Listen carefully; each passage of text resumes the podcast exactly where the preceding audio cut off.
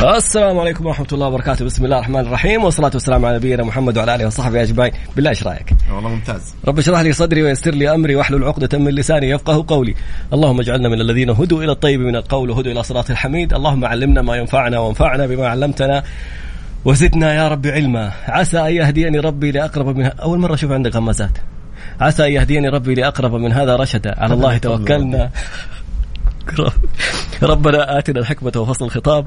ربنا آتنا رحمة من عندك وعلمنا من لدنك علما. إن إن شاء الله لمهتدون والله أول مرة انتبه. والله العظيم. إيه. يكفي مع الإضاءة بس.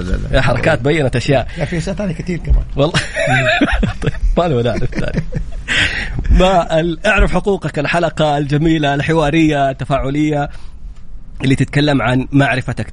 تقويك.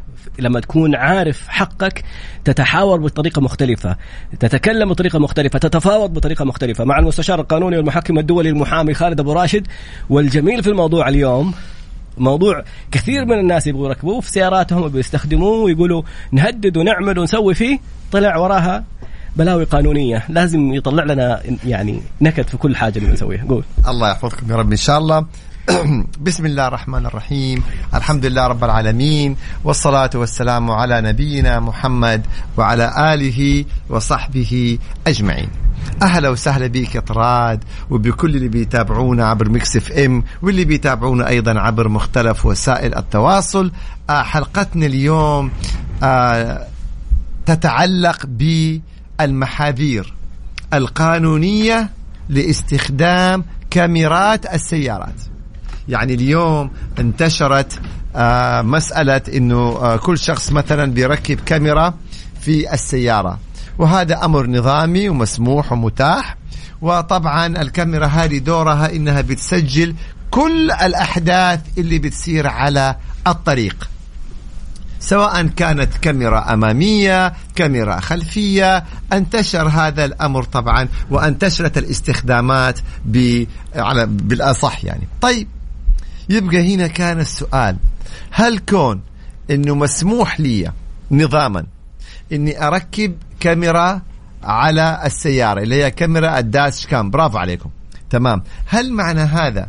وطبيعي الكاميرا بتصور يعني على مدار الساعة. جميل جدا. هل معنى هذا أنه يحق لي أني أنا أنشر محتوى هذه الكاميرا في وسائل التواصل؟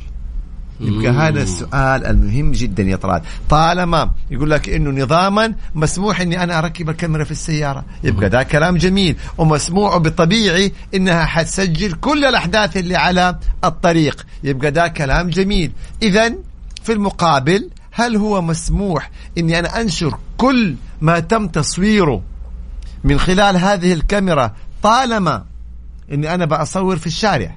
الكاميرا مع الكاميرا ما بتدخل بيوت.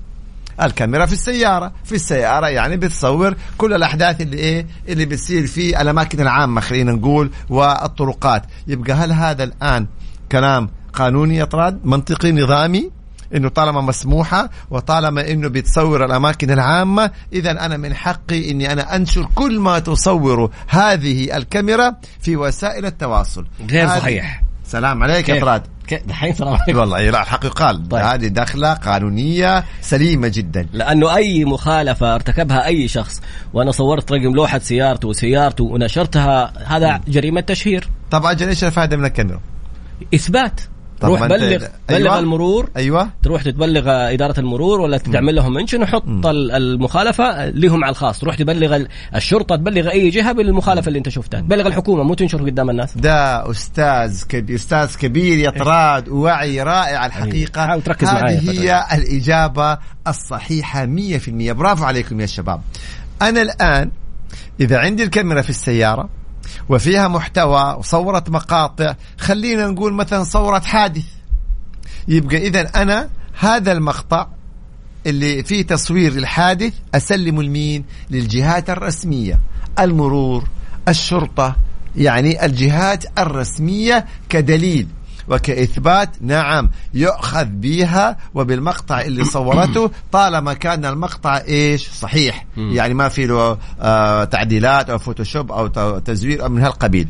ولكن إني أجي اليوم وأنشر هذا المقطع في وسائل التواصل يبقى هنا حنيجي نشوف إيش هذا المقطع. إذا هذا المقطع والله أماكن عامة وما فيها تشير لأحد ماشي الحال.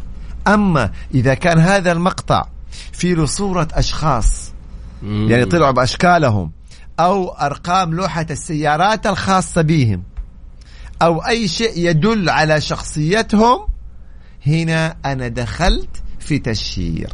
خصوصا حتى و... تفضل. خصوصا لو لوحتي مشهورة يعني في ناس معروفة سياراتهم معروفة أرقام لوحات سياراتهم. مثلا يتكلموا عنها في بعض المشاهير صاروا خلاص يقولوا لهم مطلعين لوحة على اسمكم يعني باين اسمك على نفس رقم لوحة السيارة فلو صورت اللوحة بس أنا عرفت البني آدم ده بدون ما يتكلم امم لكن لو مو مشهوره عادي تصور لا عموما يعني لا اذا صحيح اذا, والله إذا صحيح. سيارة ما هي آه بدأ آه. صحيح بس والله. إذا ما إذا ما أنت آه. ما هي معروفة لوحة سيارتك إي عادي اصورها وانشرها في, ال- في أنا بصور. أشياء أنت بال- أنت اللي دوبك تقول. وتقول إذا بتصور مشاهد عامة كذا ما فيها أي إي مشاهد. عامة okay. غير أيوة. بس شخص سوى حادث okay. مو مشهور. هذا مش هذا مشهد فتيجي عام؟ تصور في الشارع. هذا مشهد في الشارع.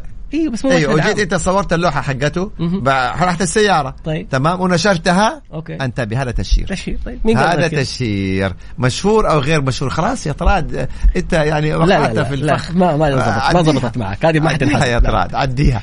فإذا نرجع نقول إنه تصوير اللوحات أنتبهوا ترى هذا تشهير. تصوير الأشخاص هذا تشهير أو بالأصح نشر التصوير. أيضا أو ما يدل على شخصيتهم. يمكن زي ما كان راد يعني إذا كان مثلا آه، رئيس جهة مش عارف إيه حتى لو ما كان عن نشرت اسمه بس معروف مين رئيس الجهة هذه فاذا ما يدل على شخصيته. هنا تشهير. دائما نقول صور وبلغ لا تصور وتنشر. وتنشر ليه إحنا تكلمنا عن كاميرا السيارات لسببين مم. السبب الأول لأنه شيء جديد الآن بدأ استخدامه السبب الثاني اللبس اللي فعلا البعض وقع فيه اطراد مم. يقول لك والله طالما المرور بيسمح لي إني أنا أركب كاميرا السيارة وهي بتصور معناته بيسمح لي إني أنا إيش أنشر في وسائل التواصل خطأ. طب ما الجوال مسموح وكل واحد عنده جوال هل معنى هذا إنه إحنا نصور وننشر؟ لا. فأنتبهوا تماما. الآن انتشرت هذه الكاميرات فإذا صورنا حادث سواء لا سمح الله حصل لنا أو حصل لغيرنا نبلغ الجهات الرسمية ما ننشر محتوى هذه الكاميرا في وسائل التواصل. وممكن تنقذ حالة معينة يعني في حادث صار وفي شخص هرب ومشي. بلغ. المتضرر أيوه واحد كان مركب كاميرا وشاف الحادث قدامه. وشاف الشخص مشي هرب راح جاء لل- اللي تعرض للحادث قال له تفضل هذا الفيديو روح بلغ فيه المرور.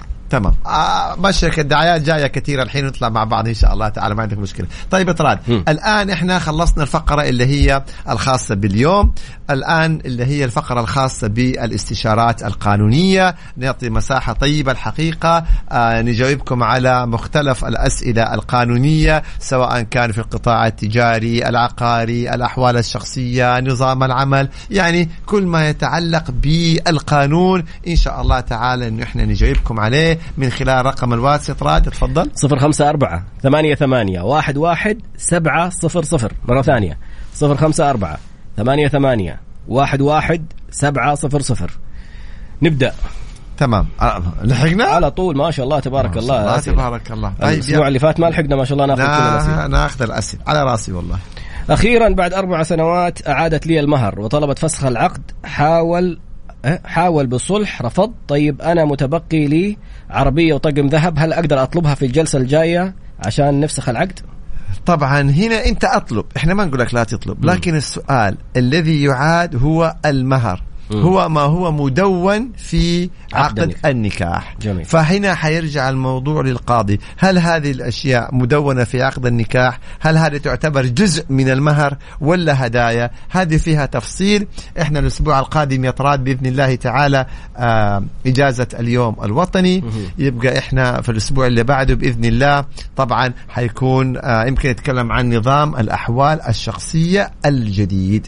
حنتحدث عن الجوانب الجديدة في نظام الأحوال الشخصية. وطبعا بمناسبة قرب حلول اليوم الوطني ولأننا ما حنكون موجودين الأسبوع القادم نقول في البداية أو أتقدم بالتهنئة لمولاي خادم الحرمين الشريفين الله يحفظه يا رب الملك سلمان وسيدي ولي العهد الأمير محمد بن سلمان الله يحفظه يا رب والشعب السعودي يعني الحبيب ونقول الله يحفظ وطننا وحكومتنا ولاة أمرنا وشعبنا والله يديم علينا نعمة الأمن والأمان والازدهار والتقدم والله يحفظكم ويحفظنا جميعا يا رب ومن نجاح لنجاح ومن ازدهار لازدهار يا رب بإذن الله تعالى. أنا بهذه المناسبة حاب أقول شكرا لسمو سيدي خادم الحرمين وسمو ولي العهد على أنه أصبحنا في العالم أجمع أكثر البلدان شهرة. اولا أسرع البلدان تطورا اقتصاديا في العالم في الفترة اللي ماضت من فضل الله. هذا واحد. اثنين أقل البلدان في العالم تضررا بالتضخم اللي صاير حول العالم. الناس يعني أسعار المشتقات النفطية والأسعار وكل الأسعار. إحنا التضخم بشكل بسيط يعتبر أقل الدول تضررا. شكرا للتطور. أضيف التكنولوجي الرائع أبو محمد الآن حتى في الحقوق. يعني أحد الأخوات بتتكلم في قضية ما هي لاقيه عقد النكاح وما هي عارفه تلاقيه القاضي تواصل مع محكمة الأحوال الشخصية وطلب منهم العقد بتاريخ عقد النكاح وأرسلوه للمحكمة. يعني هذه الأشياء المفروض هي تسويها بنفسها. شوف فين وصلنا تكنولوجيا كل شيء محفوظ. التطور والتسارع في إنهاء القضايا وإعطاء الحقوق وتكنولوجيا في في استخدامات كل شيء. جوازك أنت إحنا أحسن من دول أوروبية الآن. إن كان في طلبات هويتك ولا في طلبات جوازات ولا إحنا رقم واحد في الإفراغ على مستوى العالم. على مستوى العالم إحنا رقم واحد. لما شرفنا سعادة آه، آه، مساعد وزير العدل آه، في حلقة سابقة ذكر إنه إحنا رقم واحد على مستوى العالم في الإفراغ. اليوم إحنا على مستوى العالم في التقاضي متقدمين جدا. اليوم أنت يا طراد وإنت في بيتك بترفع القضية وإنت في بيتك بتحضر الجلسات أونلاين وإنت في بيتك بتستأنف وإنت في بيتك بتقدم الحكم على التنفيذ ويتنفذ وإنت في بيتك. تخيلوا ترفع قضية وتخلص القضية ويتنفذ الحكم وإنت ما خرجت في بيتك. على جوالك. يعني تطور نباهي فيه وتقدمنا فيه على مستوى دول العالم. لما نيجي بس أنا اتكلم في النطاق القانوني لما نيجي الآن أيضا حتى على المستوى ال ال ال الأزمات. اليوم بفضل الله عز وجل المملكة العربية السعودية من أنجح الدول في إدارة أزمة كورونا. بفضل الله. شفنا الدول اللي الناس كانوا يحتذى بها كيف الفوضى اللي صارت وفيما يتعلق بالمحلات التغذية والفوضى الكبيرة اللي حصلت وتجاوزات المسؤولين وتجاوزات الخلافية. وتعالوا شوفوا السعودية كيف كانت قدوة وكيف يعني كان يعني يحتذوا بها في إدارة الأزمات زي ما أدرنا أزمة كورونا ونعم كثيرة جدا حقيقة يعني صعب حصرها. لذلك نقول الله يديم علينا السعودية إحنا نفخر إننا سعوديين. يعني حتى على قولك استضافة العالقين خارج المملكة أيام الأزمة. في فنادق خمسة نجوم بمصاريفهم بكل تفاصيلهم وغيرها أشياء جدا كثيرة الحمد لله. لا. لا. هذا من فضل آه في حاجة ما ننساها. على المستوى الرياضي كيف بطولات المنتخب للشباب والإنجازات الرائعة إن كان من في الكاراتيه في ألعاب القوة في في الكرة. صحيح. على المستوى التعليمي والثقافي المسابقات العالمية للذكاء والتميز في في شتى انواع وموهبة ومرك ومسك والمبادرات. أنا ولد ولد أخوي طلال أحد المستفيدين من برنامج مسك. يعني شخصية الشباب والطلاب والطالبات بتنصقل على أعلى معايير الاحترافية. تحمست أنا. فيني أطلب أغنية؟ والله أبغى سلامي عليك يا سعودية. خلينا نشوف إذا والله إذا في كذا إيه خلاص تحمسني عشان يبغى حاجة للوطن كذا والسعودية وخلونا ندخل في في المود هذا. والله يا طلعت حط لنا سلامي عليك يا سعودية. الله, الله أنت بس قول الاسم بس لا تغني الله يستر أنا عارف أنا الأغنية هذه يا شباب قولوا لي اسمها. والله تحمسنا والله يا أخي كلام حلو والله. لا أنا كلمه والله من جد يحق لنا نفخر طيب نكلمهم هذا من فضل ربي. طيب, طيب. حنطلع على الفاصل هذا و... إيه أنا أبغى السعوديه طيب. أيوه. طيب. هذا كلام. لا أنا جاكم الاعصار هذه كورة يا شباب. إحنا يعني السعودية. الشباب اليوم للوطن صوت. يعني حابين نشكر فريق ال IT الرائعين اللي بس قلنا لا إحنا live؟ أيوه live بس نقول كلمتين إيش طيب طيب. طيب يلا. يا أخي الوطن يا أخي نبغى نفرح. والله يا بلدي يا شباب. أيوه أنا أنا فين طيب يا سلام يا سعودية؟ مفتوح. أوكي. نرجع مرة ثانية نقول أبو محمد مع الحماس على المعلومات اللي بالأرقام خلت الكل فخور فعلا. يعني فخورين إنها أرض الحرمين وفخورين إنها قبلة المسلمين وفخورين صح. بكل وضيافة آه، حجاج وضيوف الرحمن. وفوق هذا كل هذه الإنجازات بالتطور التقني في كل شيء إحنا بنتقدم ونتفوق وحتى في إدارة الأزمات إحنا تفوقنا. وآخرها كان أزمة كورونا وطبعا الله لا يجيب أزمات. بالله أبغى اختصرها بس في كلمتين. م. افخر إنك سعودي. الله. بس. يا سلام عليكم يا سعودية. Can I أنا أقدر مع المستشار على Mix FM. Mix FM هي كلها في ال Mix ورانا ورانا. يلا. عودة مرة أخرى بعد. نرجع للقضايا. بعد فاصل ترفيهي. فاتكم أبو راشد وهو يتنكس على الكاميرا على تو... ادخل على تويتر أكتب خالد أبو راشد. وحياك الله في إنستغرام أكتب طراد باسنبل. وبعد قليل بعد قليل شوف كل شيء يعطي حقه. نعم. العمل عمل الجد جد. لكن كمان أو أيضا الفرحة بالوطن. يا شباب هذا الوطن الوطن. إذا ما نفرح باليوم الوطني وما نستانس وما ننبسط طب يعني متى الواحد يفرح ومتى؟ لازم إحنا نكون بثقة وفخورين بوطننا بولاة أمرنا الله يحفظهم بشعبنا. يعني هذا أمر يعني من الأساسيات في الفطرة خلينا نقول. وبالمناسبة طبعا باعتبار أنه اليوم الوطني إن شاء الله تعالى يوم الجمعة القادم آه والاحتفالات الحلقات إن شاء الله. يعني نتمنى إننا الجميع يحتفل ويستأنس وينبسط باليوم الجميل هذا. وأرجوكم يعني نكون برضو حريصين شوية نبعد عن الأمور اللي ممكن يعني لا سمح الله تنغص على الإنسان الاحتفال. أبعدوا عن المشادات أبعدوا عن المضاربات لا سمح الله التحرش الأمور هذه اللي غالبا ما تحصل في الاحتفالات في أي يعني في أي دولة وفي أي مكان في العالم. يعني خلوا اليوم إنه يكون انبساط واحتفال وترجع بيتك وأنت مبسوط ومستانس. والجوانب اللي ممكن فيها تنغيص لا سمح الله فيها كذا هذه طبعا خلونا نبعد عنها. العالم كله أيوة بيتابع احتفالياتنا بيتابع فرحتنا. فخلونا نحتفل ونكون قدوة للعالم حتى وإحنا بنحتفل باليوم الوطني. كثير من الدول تحاول تشكك تحاول يعني تضرب في وطنية كثير من الدول. فيهم. الجميل إنه لما تشوف اليوم الوطني وتشوف العالم كلها في الشارع محتفلين فلا تخلوا أي مشهد ممكن يتمسك علينا إنه تصرفات يعني تجاوزات. تصرفات فردية خليهم صحيح. يشوفوا أفضل ما عندنا. تمام. لا يقول فوقها مسحب إحنا كده حنقلبها حنقلبها يعني ممكن يوم يوم ثاني إن شاء الله. ولا تنسوا كمان يا دار يا دار من الأغاني اللي يعني بس يعني هنشوف آخر الحلقة إذا ظبطت كده يلا. هي هي الختام دائما يا دار. اليوم الحلقة ما أعرف كيف وضعها. يلا. طيب مستأجر وعقد الإيجار. نرجع للاسئله القانونيه ما يا mood mood احتفالات. خلاص يعني يلا نرجع قضايا ثانية يلا. مستأجر وعقد الإيجار باسمه وهو الآن خارج المملكة وعليه قضية وأهله في الشقة وما دفع الإيجار سنة كاملة. طلبنا منهم خطيا إخلاء الشقة وما نفذوا طنشوا الخطاب؟ علما أن والدهم موجود في يعني المدينة نختصر القول ونقول إنه يتقدم بدعوى إخلاء. يتقدم بدعوى إخلاء إلى المحكمة لإلزام المستأجر بالإخلاء. وانتبه لا تقطع كهرباء. تفصل كهرباء ولا تفصل موية. أنتبه تماما حتى لا تكون عرضة. إذا نتقدم إلى المحكمة بطلب بدعوى إخلاء. تأخذ الحكم وتنفذه بإذن الله تعالى. أقرب إيش التبعيد على ذلك؟ هل صك ملكية قطعة أرض عليها عمارة سكنية؟ يعني ملكية الأرض مع العمارة أو فقط قطعة الأرض؟ لا يعني كيف؟ أنت اليوم إذا اشتريت قطعة أرض حيطلع الصك باسمك. حتاخذ التراخيص من الأمانة وتبني العمارة. فطبعا أنت حتكون مالك الأرض وما عليها من إيش؟ من بناء. يعني يمكن قصده واحد إلا إذا كان أيوه صار اتفاقية مثلا إنه والله الأرض لفلان والبناء مثلا يعود ملكيته لفلان وندخل عاد في التفاصيل كم قيمة هذه وكم قيمة هذه. يبقى هذا الايه الاستثناء حسب الاتفاقية. لكن الأصل إنه خلاص كل إنسان عنده عمارة صك يبقى هذا إيه؟ ما عليها من بناء. زي مثلا الآن اللي يتملكوا الشقق يا طراد. أي. اللي يتملكوا الشقق كل واحد يطلع له صك بالشقة فقط لا غير. بالضبط.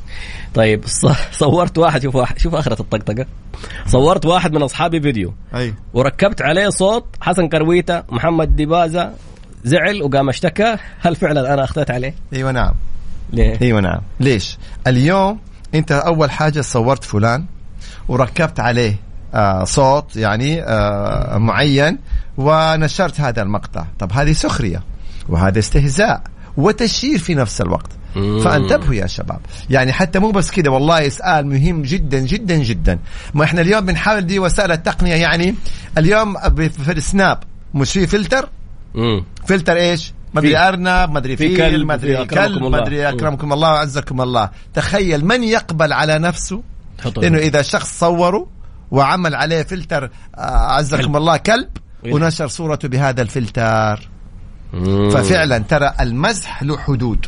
ما هو يعني في كل شيء المزح له حدود. فننتبه لهذه الجزئية لأنه هذه طبعا جرائم معلوماتية. أصطلح مع صاحبك أعتذر له وإن شاء الله الأمور يعني تمشي بأمر الله. والله سؤال مشربك. مم. السلام عليكم ورحمة الله. اشتريت أرض بدون صك بوثيقة. هذه أول واحد. من شخص وقمت بعمل شيك على حساب أخوه. وتمت إزالة العقار. هل أقدر أقدم عليه دعوة إعادة المبلغ المدفوع علما بأن الأرض في مكة؟ هل أقدر أقيم عليهم الدعوة في جدة؟ طيب جينا الآن. هنا عندنا عدة آه، زي ما تفضلت راد أصبحت عندنا عدة مشاكل، أول شيء الأرض اللي بوثيقة دائما بنحذر من هذا الأمر، بصك أهلا وسهلا، بوثيقة المسألة خطيرة جدا جدا جدا، وقد لا تثبت الملكية والأغلب أنها لا تثبت الملكية وهذه النتيجة أهو. تمت الإزالة والأرض طلعت للغير. الآن ترجع على من باع عليك وترفع عليه قضية وتقول أنا دفعت له مبلغ مقابل إنه هو يعني يبيعني هذه الأرض ولكن تبين إن الأرض ما هي ملكه ويعني اطالبه بإعادة هذا المبلغ. الخطأ الثاني إنه أنت وضعت المبلغ في حساب اخوه وهذا خطأ كبير جدا. يجب إنك أنت توضع المبلغ دائما في حساب الشخص اللي تعاملت معاه وليس اللي تعاملت مع اخوه لو جاء البائع وقال يا أخي أنا ما دفع لي الفلوس يلا ما دفع لي الفلوس أنا صح وقعت معه عقد بيع لكن ما دفع لي الفلوس وطالما ما دفع لي الفلوس ما تم البيع. حتيجي تقول له لا والله أنا دفعت الفلوس في حساب أخوك. أول إجابة حيقول لك هي روح اشتكي أخويا. آه حلو. طيب كذا أنا حولت المبلغ أيوة، حتى تضطر ترفع قضية على مين؟ على أخوه. يلا دخلنا في لفه أنا لو. لو أقول لك والله حولت لك آه، شيك ولا أعطيتك شيك ولا إذا كان شيك على قولك يكون مكتوب فيه سبب. الشيك. بس إذا حوالة مالية تعتبر دين إذا ما كان في على أخوه فحيروح يشتكي أخوه. روح اشتكي يلا أخوه. ترفع قضية من جديد. فدائما أنا في رأيي في تعاملات زي هذه روح أستشير محامي. والله مو دعاية للمحامين بس مهم جدا. زي ما أقول لك روح أستشير طبيب. هل إحنا بنقول دعاية للأطباء. في التعاملات اللي زي هذه روح استشير محامي مهما كلفت الاستشارة كم حتكلفك بس شوف كم المبلغ اللي ممكن عليك. توفره عليك أبو كم محمد. حتحميك فهذه مصداق. مصداقا لهذا هذه النقطة يعني إذا خصمك عنده محامي ولا خصمك فاهم في القانون كلمتين بمادتين يحطها في الردود وفي في المرافعات ممكن انت صاحب الحق ويضيع حقك لأنك ما عرفت تثبت. لأنه حتى النبي عليه الصلاة والسلام معنى الحديث إنه لا يكن لا يأتي أحدكم ألحن بحجته من أخيه فأقضي عليه فأكون قطعت له قطعة من نار. لك هذا دليل إنه النبي عليه الصلاة والسلام ممكن يعني أحد يجي له بحجة أقوى ويحكم له. له يعني. وهذاك صاحب الحق. فأنت إذا عارف إنه موضوع الاستشارة كم تطلع؟ 1000 1000 ريال 1150 500 1500 300 على يا حسب سيدي لو هذا كم يعني. قضيتك أنت؟ كم ممكن توفر فيها؟ ولا كم ممكن صحيح. تخسر فيها؟ صحيح. فيعني استشارة بس على الأقل تعرف إيش تقول أمام القضاء. تم تنازل الوالده رحمها الله عن إرث ولدها وهو عبارة عن عقار وتصفية شركة وكاش إلى أحفادها طيب. بإقرار تنازل لوجه الله بعد نعم. ذلك زوجة الابن اتهمتها بسرقة أموال زوجها وأولاده واتهمتها بالباطل وقطعت صلة الرحم فهل يصح قانونا الرجوع عن هذا التنازل بسبب الاتهام الباطل والقذف وقطيعة الرحم لا هذا أمر وهذا أمر مم. إذا وثقت هذا التنازل وأثبتت أنها تنازلت عن نصيبها في إرثها من ولدها لأن ولدها توفى قبلها. فهي لها نصيب. هي فإذا تنازلت عن هذا النصيب لأحفادها فإذا هذا التنازل صحيح. طيب كون أن زوجة الإبن اتهمتها اتهامات باطلة بالسرقة وما إلى ذلك هنا تقاضي هذه الزوجة. ترفع قضية ضد زوجة الإبن وتطلب تعزيرها شرعا على هذه الاتهامات. وتعاقب وتعزر وقد تسجن هذه الزوجة اللي اتهمت الآخرين بالسرقة. بالسرقة والنصب ويعني من هذه الاتهامات. فلذلك إحنا نقول إنه هذه قضية وتلك قضية. التنازل ثابت وخلاص وقع التنازل وأما الاتهامات والسب أو ما إلى ذلك فتقام دعوة في المحكمة الجزائية ضد من أصدرت هذه الاتهامات. طيب. برضو ما شاء الله دخلنا في الإرث. لو عندي السلام عليكم ورحمة الله. والدي كان له زوجة ثانية وأولاده وأولاد ثم توفاه الله قبل عامين. اكتشفنا أن إخوتي من الزوجة الثانية يقولوا أن معهم عقد بيع بعض من أملاكه مسجلة بتاريخ قديم مع العلم أن الوقت الذي تم فيه البيع كانوا صغار لا يملكون شيء. وأن مبلغ البيع أقل بكثير من السعر الأساسي. أفيدونا إيش نعمل؟ أوكي. الآن نرجع ونقول إنه طالما الصكوك باسم الوالد فأنتم ورثة في هذه الصكوك وطبعا تكون ملكا لكم جميعا. لو تقدم الأبناء من الزوجة الأخرى بهذه الورقة وأدعوا ملكيتهم لهذا العقار بحكم إنه في ورقة فيها أو عقد بيع من هالقبيل. هنا القضاء ينظر في صحة هذا العقد من عدمه. فإذا ثبت للقضاء أن هذا العقد صحيح حكم حكم لهم بملكية العقار. أما إذا ما ثبت للقضاء صحة هذا العقد فلن يأخذ بهذه الورقة كيف يثبت يعني؟ هذا طبعا هنا القاضي يدرس مم. هم الآن بيقولوا ورقة عقد بيع مم. فهنا القاضي يقول تعالوا كم كان عمركم وقت ما اشتريتوا البيت كيف هذا سؤال؟ كيف باع عليكم كم؟ الثمن مم. كيف تم سداد الثمن ما. هنا من فين آه. جابوا الثمن هل انت بشيك هل بحوالة يتحقق القاضي من صحة هذا البيع هل هو بيع حقيقي أم بيع صوري مم. فإن ثبت للقاضي أن هذا البيع حقيقي وهنالك قبض ثمن ومبالغ دفعت. إذا هذا بيعا صحيحا. أما إذا ثبت للقاضي أو القضاء خلينا نقول أنه هذا بيع صوري لا في ثمن وكانوا أطفال يعني مجرد بيع صوري فهنا طبعا ممكن القاضي يحكم ببطلان هذا البيع. جميل. ففي الآن الطرفين لهم حق. الطرف اللي رافض هذه الورقة آه، يقيم الدعوة في القضاء ويطالب بتصفية التركة ويرفض هذا العقد والأطراف الآخرين اللي هم المستفيدين من هذه الورقة ويقولوا هذا بيتنا يقيموا دعوة إثبات ملكية. يقولوا أن هذا البيت اللي لا زال باسم والدنا هو في حقيقة الأمر أنباع علينا. يطالبوا بإثبات ملكية بموجب هذا العقد. هنا القضاء هو الذي يبت. البعض يقول يا أخي أنت يعني في بعض الإجابات تقول القضاء الذي يبت. طبعا لازم القاضي الذي يبت مش أنا. في فرق بين الاستشارات القانونية وفرق بين الأحكام. لو الآن أنت سألت قاضي في هذه الجزئية حيقول له خليني أدرس العقد وأدرس حيثيات هذا العقد وملابسات هذا العقد، قد يكون في دفع ثمن وأركانه صحيحة فأحكم بصحته، وقد يكون لا في دفع ثمن أو أحد أركان البيع باطلة فأحكم ببطلانه. فإحنا هنا نقدم استشارات قانونية وليس أحكام، إحنا الآن نوضح لك حقك، حقك إنك أنت تطلب بطلان هذا البيع. الطرف الآخر حقه إن هو يطلب إثبات الملكية بموجب هذا البيع.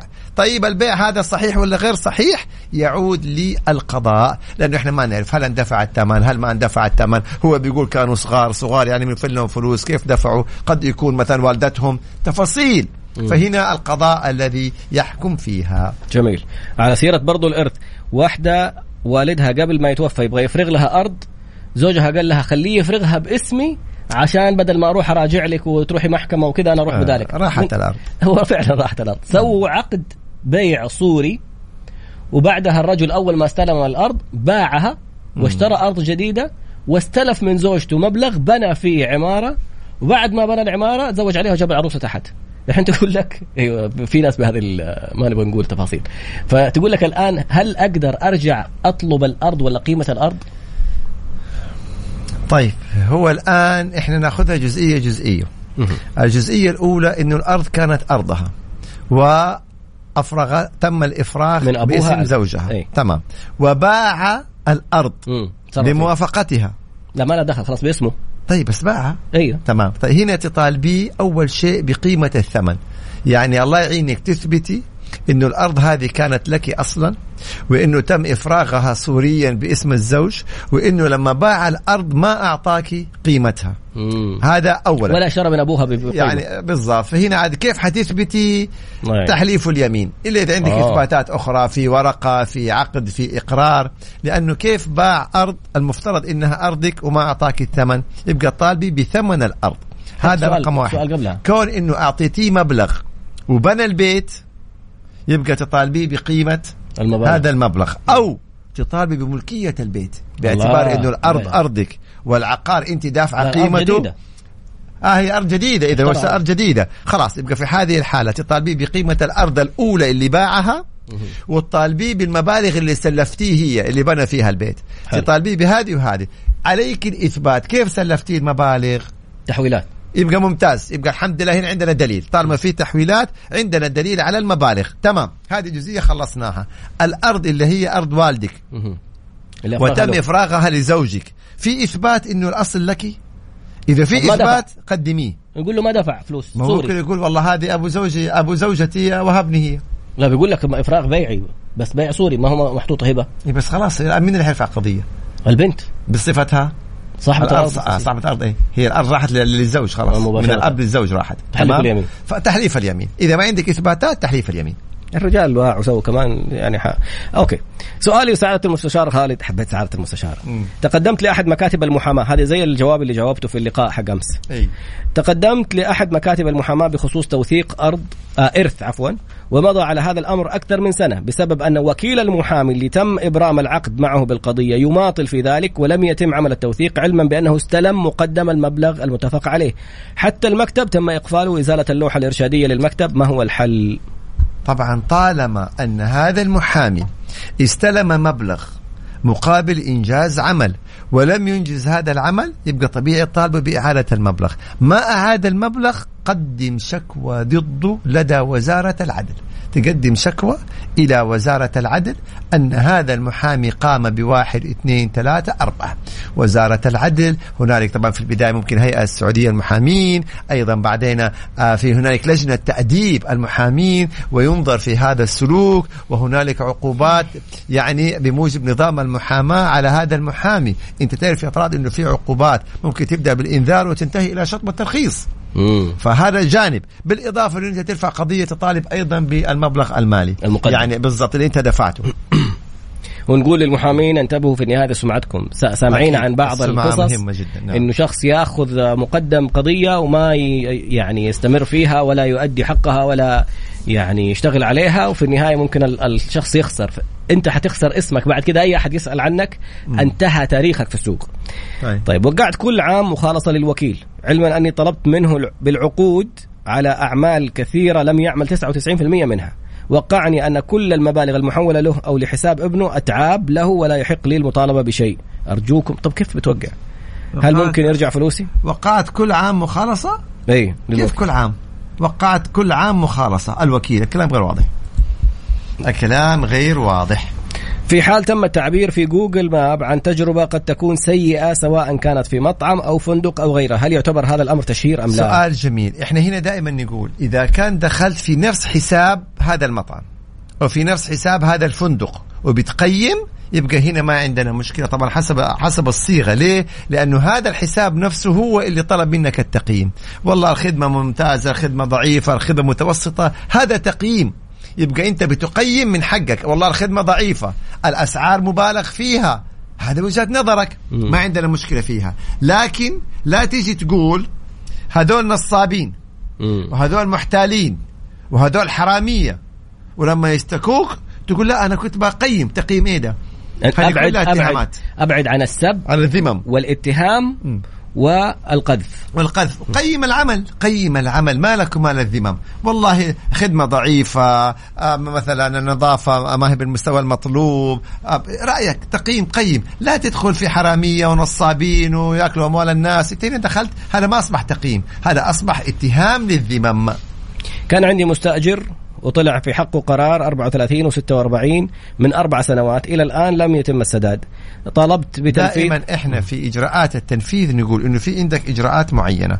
زي اللي هي القرارات هذه اللي هي إيقاف الخدمات منع من السفر البحث عن ممتلكاته العقارية البحث إذا كان عنده أموال في البنوك. هذه هي الإجراءات الآن المتاحة. فإنت تتابع. يعني حصلت على المبلغ كان به ما حصلت راقب قد مثلا في المستقبل تعرف أن فلان جاته أموال أو جاله عقار أو شيء من هذا القبيل ترجع طبعا على طول إيش تتابع أو تراجع في محكمة التنفيذ فين ممكن نسمع الحلقة مسجلة حساب خالد أبو راشد أكتب في تويتر أو طراد باسنبل في إنستغرام بالضبط. وحتلاقي الحلقة مسجلة حتى. في المفضلة عندي دائما تلاقوها ما العمل إذا قدمنا قضية الوالد اشت... إيه؟ اشترى بالسر شقة لأختي الكبرى ودفع المبلغ من حسابه من دون باقي الأخوات. ما العمل إذا قدمنا قضية وما حكمها في الورث؟ لا أول شيء رجل عايش. الله يحفظ لكم الوالد. وبعدين الوالد هذا كيفه؟ يعني طالما عايش يبغى يشتري سيارة لأحد أولاده اشترى شقة لأحد أولاده. إحنا نتحدث قانونا الإجراء سليم. بكامل أهليته ماله هو حر. يشتري يبيع يتصرف يهي بشأنه مسألة عاد بينه وبين الله العدل بين الأبناء هذه إحنا ما ربنا ندخل. فيها. هذه ما ندخل فيها. هذا شيء يعني إيه؟ أحكام شرعية بينه وبين الله عز وجل. إحنا نتحدث قانونا. قانونا طالما أن هذا الوالد اشترى من حول ماله آه شقة وأعطاها لأحد أبنائه خلاص. ما يحق أن إحنا نطعن. مثل واحد إطعان مم. إذا كان مريض مرض الموت أوه. إذا كان عنده مثلا نوع من الزهايمر أو الخراف أو من هالقبيل. هنا التصرفات اللي مشكوك فيها. هنا طبعا تقام دعوة بطلان هذا التصرف. أما إذا كان بصحته بعقله. بغض النظر عن صحته الجسدية. البعض يقول مثلا والله هو مشلول هو كذا. المهم عندنا العقل. العقل. لو جسمه كله متعطل كل الجسم متعطل. وفقط لا غير العقل مدرك يبقى ده كامل التصرفات يعني- تصرفاته كلها صحيحة. لو أحد من ذوي الإعاقة عنده أي مشكلة ما أروح أقول والله أحجر عليه ولا أسوي عشان عنده. عقل بالضبط طالما بعقله ومدرك قضي الأمر. إجراءاته صحيحة. طراد ممكن تسأل محامينا هل يؤخذ بعين الاعتبار موضوع حسن النوايا في قضايا التشهير بين الأصدقاء؟ أوه سؤال كبير. إثبات حسن النية يعود تقديره للقضاء. وهذه مسألة خطيرة لأن إثباتها فيه من الصعوبة الأمر الكبير. يعني اليوم واحد شهر بي أو عمل لي آه، شو اسمه إحنا قلنا ده؟ ال- اللي في السناب؟ ركب صور ولا صور يعني فلاتر. مسيئة فلاتر. أصوات. وأساء لي وبعدين يقول والله أنا بحسن نية يعني يعود تقدير القضاء بس ترى صعبة جدا جدا جدا. ولو توسعنا في هذا المجال كان كل واحد شهر بالآخرين وقال والله أنا بحسن نية. وسب الآخرين والله أنا بأمزح. والله إحنا متعودين نمزح.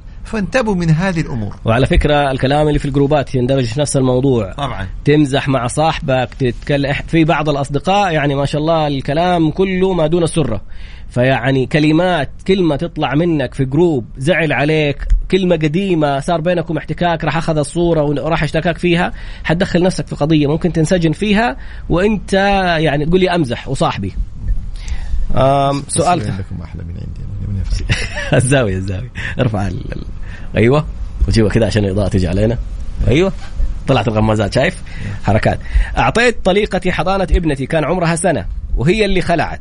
الآن عمرها خمس سنوات. هل أتقدم وآخذ حضانة بنتي أو كم العمر اللي آخذ ابنتي فيه؟ أنا متزوج ولدي طفل. الأصل وحسب وبموجب نظام الأحوال الشخصية أن الحضانة عند الأم.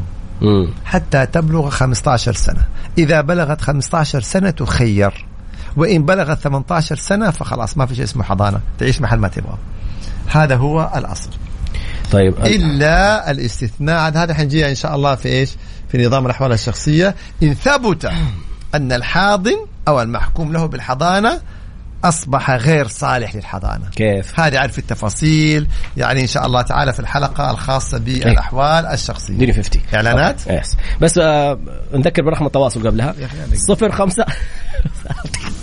جوال حياتنا صفر خمسة أربعة ثمانية ثمانية واحد واحد سبعمية.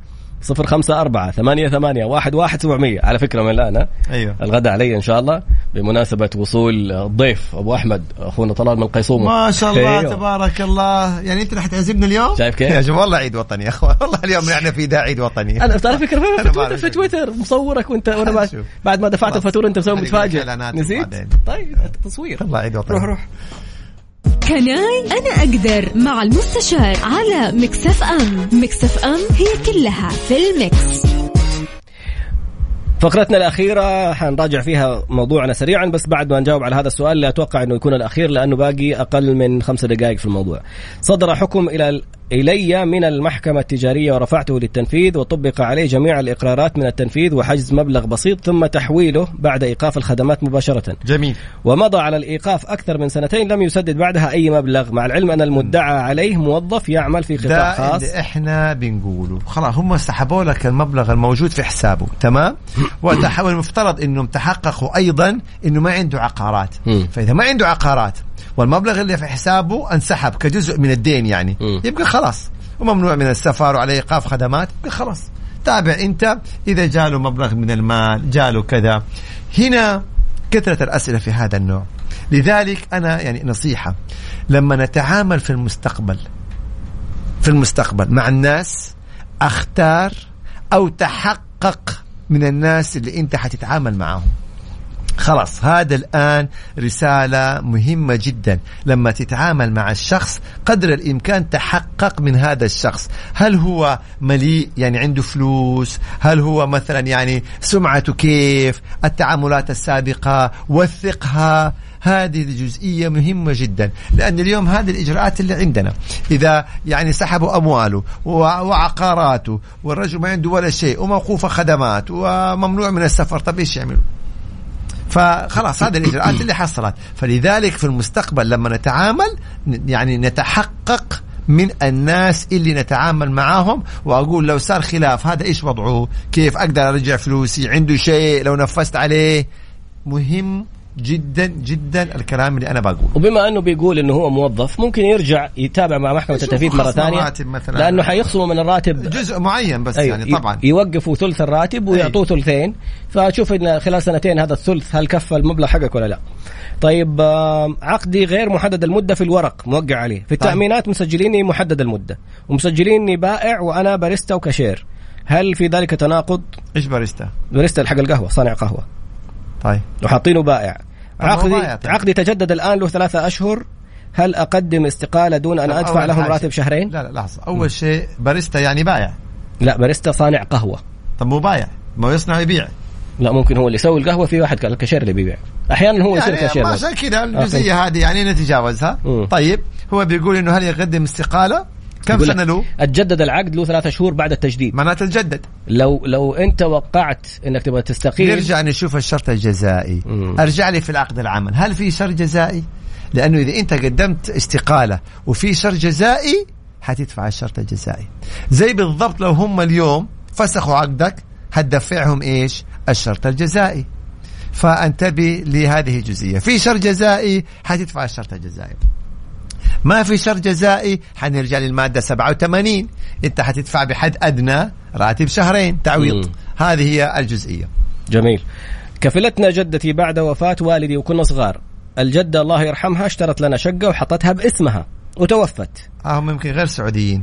أوكي. وأحد أبنائها رافض يعيد لنا الشقة ويدعي أنه اشترى من بقية إخوتي. لا لا. سنة سنة. الحالة هذه وعرض علي البيع ورفضت. قال لك مالك حق. ترفع قضية أرفع قضية على من باسمه الصك.